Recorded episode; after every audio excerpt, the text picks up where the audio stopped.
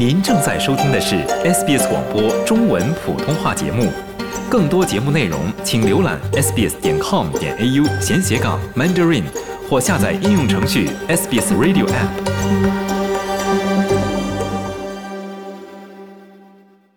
听众朋友们，您现在正在收听的是闲话澳洲的节目，我是雨夜。那今天呢，我们要来和大家说一说滑雪。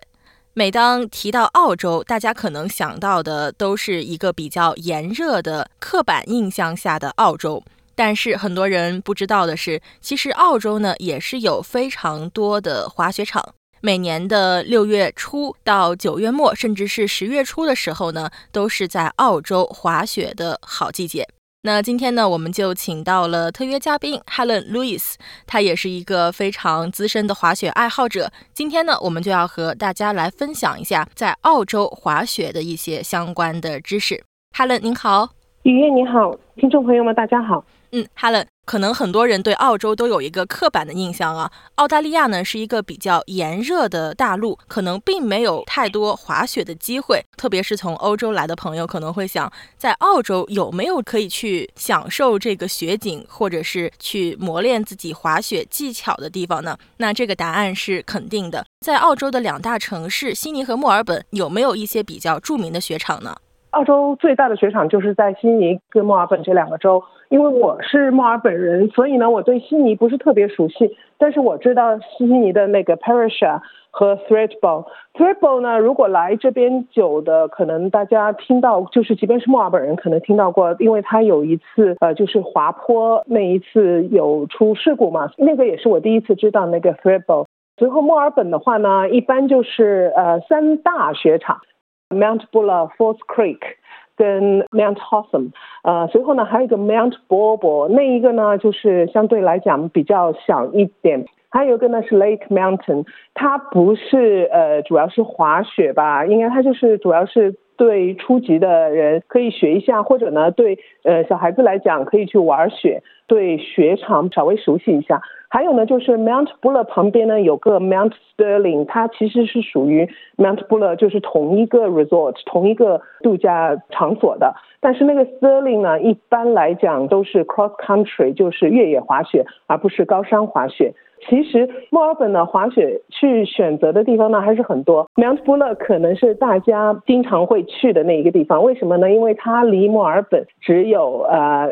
看你住墨尔本哪里吧，因为我住墨尔本的东北，应该说，所以呢，我家开去 Mount Buller 从点到点可能两个半小时、三个小时就够了，所以非常方便。刚才于燕你提到，呃，欧洲的呃美国的人呢，就是很难理解，哎，澳洲怎么可以滑雪？我的朋友就是，他们非常不能理解，澳洲作为一个炎热的国度，居然可以滑雪，而且居然可以开三个小时就有滑雪场。嗯，看来这个也是打破了可以说是很多人对澳洲的这样一个刻板印象了。那刚才哈伦呢也是说到了在墨尔本的一些比较有名的雪场，Mount Buller 呢可能是离大家住的地方比较近的一个雪场。那刚才提到的其他一些雪场，距这个墨尔本市区的距离都在多远左右呢？Mount Buller 呢，就呃刚才说的，距墨尔本大概三小时，三到四个小时左右吧。随后 Falls Creek 呢，就要开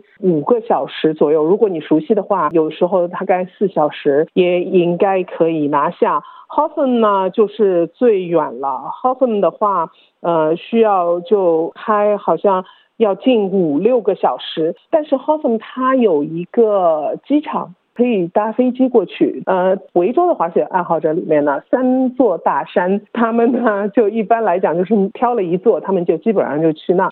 随后呢，去呃 Falls Creek，一般他们就叫 Falls。呃，去 Falls 跟 h o f f e n 的人呢，通常就会嘲笑 Mount Buller。的确，Mount Buller 因为它是海拔最低的那座山，所以呢，它的雪况就从的积雪厚度来讲，一般没有 Falls 跟 h o f f e n 那么高。但是呢，就滑雪业内人士来讲呢，他们觉得就是 Mount Buller 它的雪道对那个滑雪者也是挺具有挑战性的，雪道本身的质量也并不比 Falls 跟 h o f f e n 差，所以呢，这三座大山呢，作为那个 Falls 跟 h o f f e n 来讲呢，就是如果大家有时间可以比如说去请假一星期、一周的一个滑雪度假吧，其实可以选择 Falls 跟 Hotham。但是经常要去滑的呢，就选择布勒，因为我记得我儿子在读中学的时候，我们让他去参加就是布勒的 Race Club，随后呢，就是每年从七月的 School Holiday 开始，学校放假开始，就每个周末都要上山，一直到九月结束。这种情况下呢，如果是 Falls 或者 Hotham 是完全不可能的，因为太远了。看来距墨尔本比较近，也是有它比较近的好处。刚才汉伦也是说到，Mount Buller 跟其他两座墨尔本大山来比啊，它的海拔是最低的。那 Mount Buller 今年它的雪情怎么样呢？呃，其实今年的雪况呢，真的是叫盛况空前，从来就没有看到过这么好的。说到这儿，我们就先建议大家去下一个，如果对滑雪有兴趣的话呢，可以下一个 App。中央部落呢，它有自己的 app。通常来讲呢，澳洲的雪是这样，一般来讲是在那个 Anzac Day 左右，有的时候甚至于早到呃，就是 Easter，要看 Easter 在什么时候。如果是四月中的话，还有呢，就是 Anzac Day 左右可能会下第一场雪。接下来呢，可能会在六月的 Queen's Birthday 皇后生日这个长假之前再会下一场雪。通常呢，雪场呢都是在皇后生日。这一个长假，这个周末开山的，呃，随后呢，一般来讲就是之前四月、五月下的雪呢，到了长周末基本上就没有了，因为它那个雪其实是怎么说呢？就是把那个土地给它冻住，就是让那个土地呢变得更寒冷。所以这之前下的雪只是为之后做准备的，因为一般积不起来，到土地就冻到一定程度之后呢，慢慢的再下雪呢，大概从七月份开始下的雪呢，就会慢慢的积起来了。但是今年真的是，嗯，大家都没有料到嘛。现在因为我现在打开那个呃 Mount Buller 的呃 A P P 一看的话，自己都吓一跳。它现在一般的那个积雪厚度已经到了七十多公分，人造雪的话就更多。这个是从来没有看到过的。通常大概是在那个开山这个周末的话，积雪厚度一般只有十公分左右。嗯，看来今年这个积雪厚度是比平常往期来看是同期上涨了七倍左右啊！真的对滑雪爱好者来说是一个非常好的机会，可以在这个疫情封禁了两三年之后，可以去这个雪场上大展身手。但是就今年的天气来看，这一种相对于来说比较好的雪况，适合一些初学的选手吗？从雪质本身来讲。应该是比较适合初学的选手，因为澳洲的所有的滑雪场基本上是天然雪跟人造雪相加。因为靠天然雪的话，很多雪场就不可能达到就是可以让那么多游客就去滑雪的那种厚度。但是呢，天然雪当然是要比人造雪要好很多，而且呢，呃，学起来呢也比较方便。如果经常是一直有天然雪的话呢，就不太容易结冰的。所以呢，从雪雪的情况来讲呢，雪质来讲呢，其实是适合初学者的。但是呢，今年就要看，因为今年我们仍然是在那个 La Nina 情况下嘛，所以还是呃雨水量比较多，也就造就了现在雪况的好。但是呢，呃，有可能就是呃天气情况不太好，能见度呢可能比较低，所以呢，如果初学的碰巧赶上一个好天气呢，那今年学滑雪真的是非常非常好。但是如果天气不好呢，就自己要小心一点吧。嗯，说到这里呢，相信很多的初学者，还有一些滑雪的这个资深的爱好者，已经是跃跃欲试，想要去雪场上大展身手了。但是对于一些初学者来说呢，可能是没有自己专用的一些滑雪的服装啊，或者是装备啊。那如果是这种情况下，是不是还可以去到雪场上去小试牛刀一下呢？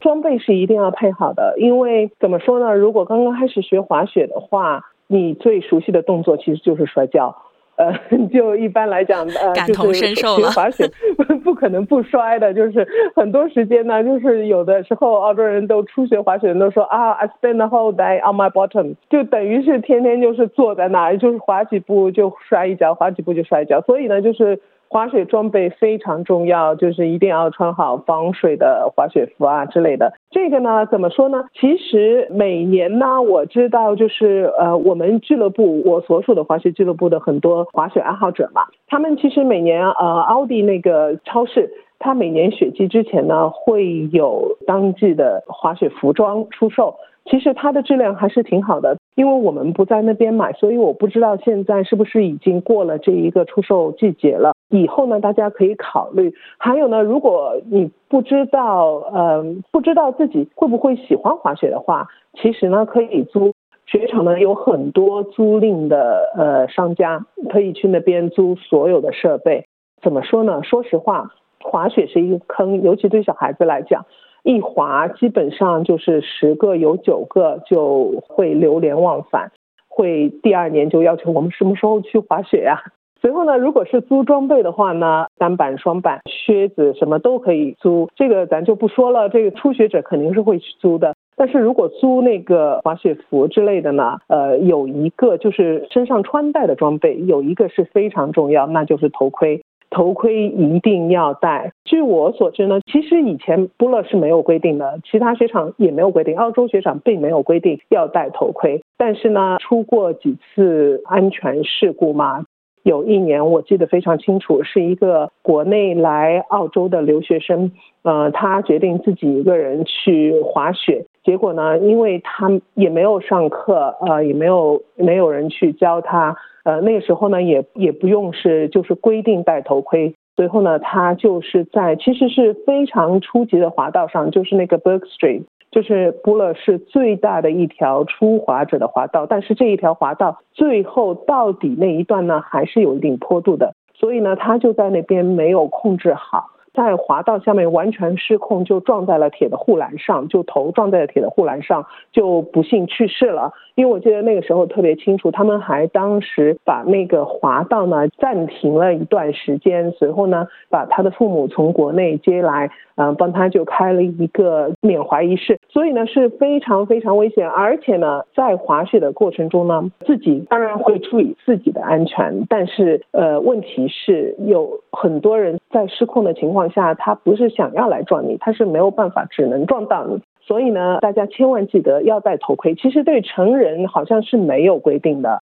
但是呢，呃，还是戴着比较好。戴头盔还有一个好处呢，就是保持你的头非常的暖和。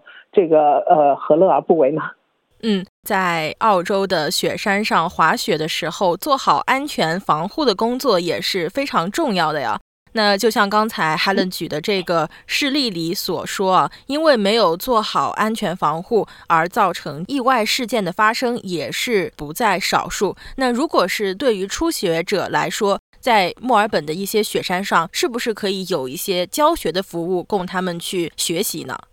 对，雪山上其实教学服务是很多的，不知道今年情况如何。在去年的话呢，可能教练比较难请吧，因为全世界各地呢，它有一个专门的教练团体。其实呢，他们就是一群滑雪爱好者，随后呢，他们就是追逐着雪，哪里有雪，他们就去哪里。所以呢，澳洲之前就是山上的教练呢，很多都是国外来的，欧洲啊、日本呐，还有呃美国啊这些地方来的教练。去年呢，教练很少，因为那个时候还封着嘛，由于疫情的关系，所以进不来。但是今年我估计，今年的滑雪教练就非常多了。在呃 Mount Buller 呢，Buller 它有几种选择吧，你可以请私教，私教它是按小时计的。随后呢，作为小孩子来讲，小孩子呢可以让他们去上那个 ski school，呃，就是滑雪学校。滑雪学校呢，就是会有教练带几个孩子。但是说实话，我觉得大概五岁吧，五岁之前的孩子，如果要真的要学，爸爸妈妈不会滑，希望他们好好学的话，还是请私校比较好。因为五岁前的孩子，他去的 ski school 呢，一般就是属于 ski king 的那一部分，其实他们去的地方不多，等于是一个豪华的托儿服务，所以我觉得没有什么意思，还是请私教比较好。还有呢，就是如果是初学的话。我也强烈建议大家，就是考虑先请私教学一些基本的常识，不要跟自己亲近的人学，因为有的时候学了一些比较坏的习惯，可能就是很难扭转过来。而且说实话，如果跟自己比较亲近的，比如说自己的男朋友、女朋友这样去学的话，有可能学的会吵翻的。还是跟私教学比较好，因为怎么说呢，滑雪这个东西虽然说还是比较容易上手的，但是呢，呃，如果是教练的话，可以给你一些更好的一些小贴士。嗯，在初学的时候，就像 Helen 所说的呀，可能还是要寻求一下专业人士的帮助，因为我自己也是深有所感。跟身边的人去学滑雪，真的是会有一些摩擦所在，而且特别是对我这种基础比较差的人来说，还是要找一个专业的教练来去学习，比较靠谱一些。那刚才呢，我们是说到了在雪山上可以去以哪种方式向教练去寻求专业的滑雪知识。那就墨尔本雪山上的雪道来说，都是分一些什么样的等级呢？哪一些是比较适合初学者的呢？呃，是这样，就是一般呢，他们雪道呢，在每一个雪道入口处呢，它都会有一个标识牌，随后呢，上面呢会有一个颜色的标记。一般来讲呢，就是绿色、蓝色跟黑色。绿色呢是一个绿色的圆形的，那个呢就是初学者的雪道，就是一般来讲呢，雪道比较平缓。随后呢，蓝色的呢是方的。那个呢，就是中级的，呃，等到你基本上能够掌握基本的姿势啦，就是能够减速的话呢，可以去考虑到蓝色的雪道去试一下。随后呢，还有一个就是 Black Diamond，就是黑色的菱形雪道，呃，那个呢就是比较陡峭了，而且呢需要转身的地方也比较多。那个呢就是没有一定的水平。就不要去尝试，因为真的不值得。滑雪总的来讲还是一个休闲的呃一个娱乐方式，所以呢，我觉得安全还是最重要。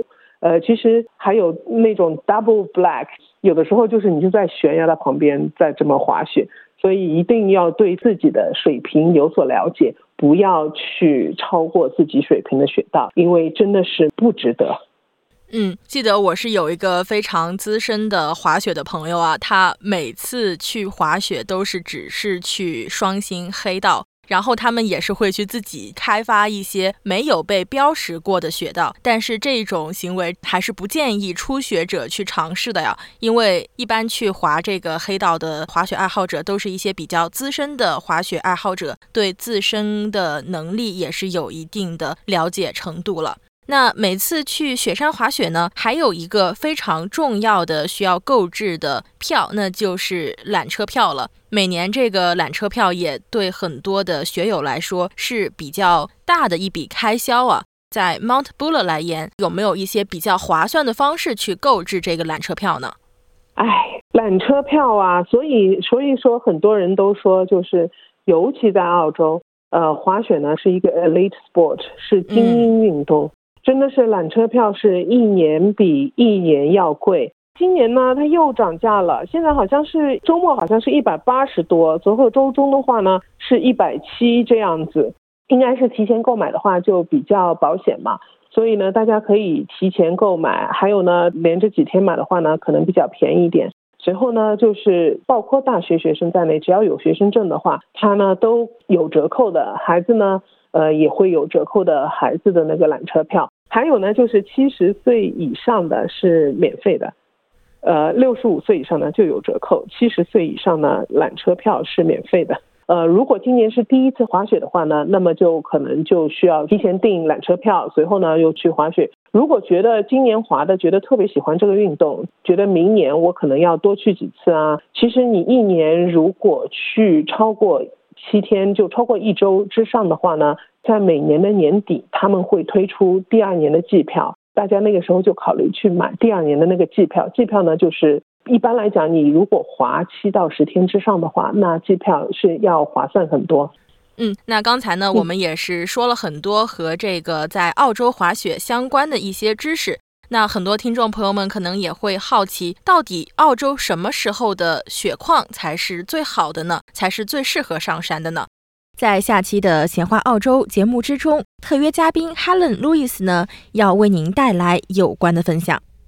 在下期节目中，我们还将和大家分享雪山上可以预定的住宿种类以及雪天行车的一些注意事项。雪天行车和日常行车的区别有哪些呢？我们在雪天行车时又有哪些一定要注意的地方呢？欢迎您在下周日同一时间收听《闲话澳洲》。喜欢、分享、评论，欢迎您在 Facebook 上关注 SBS 普通话页面。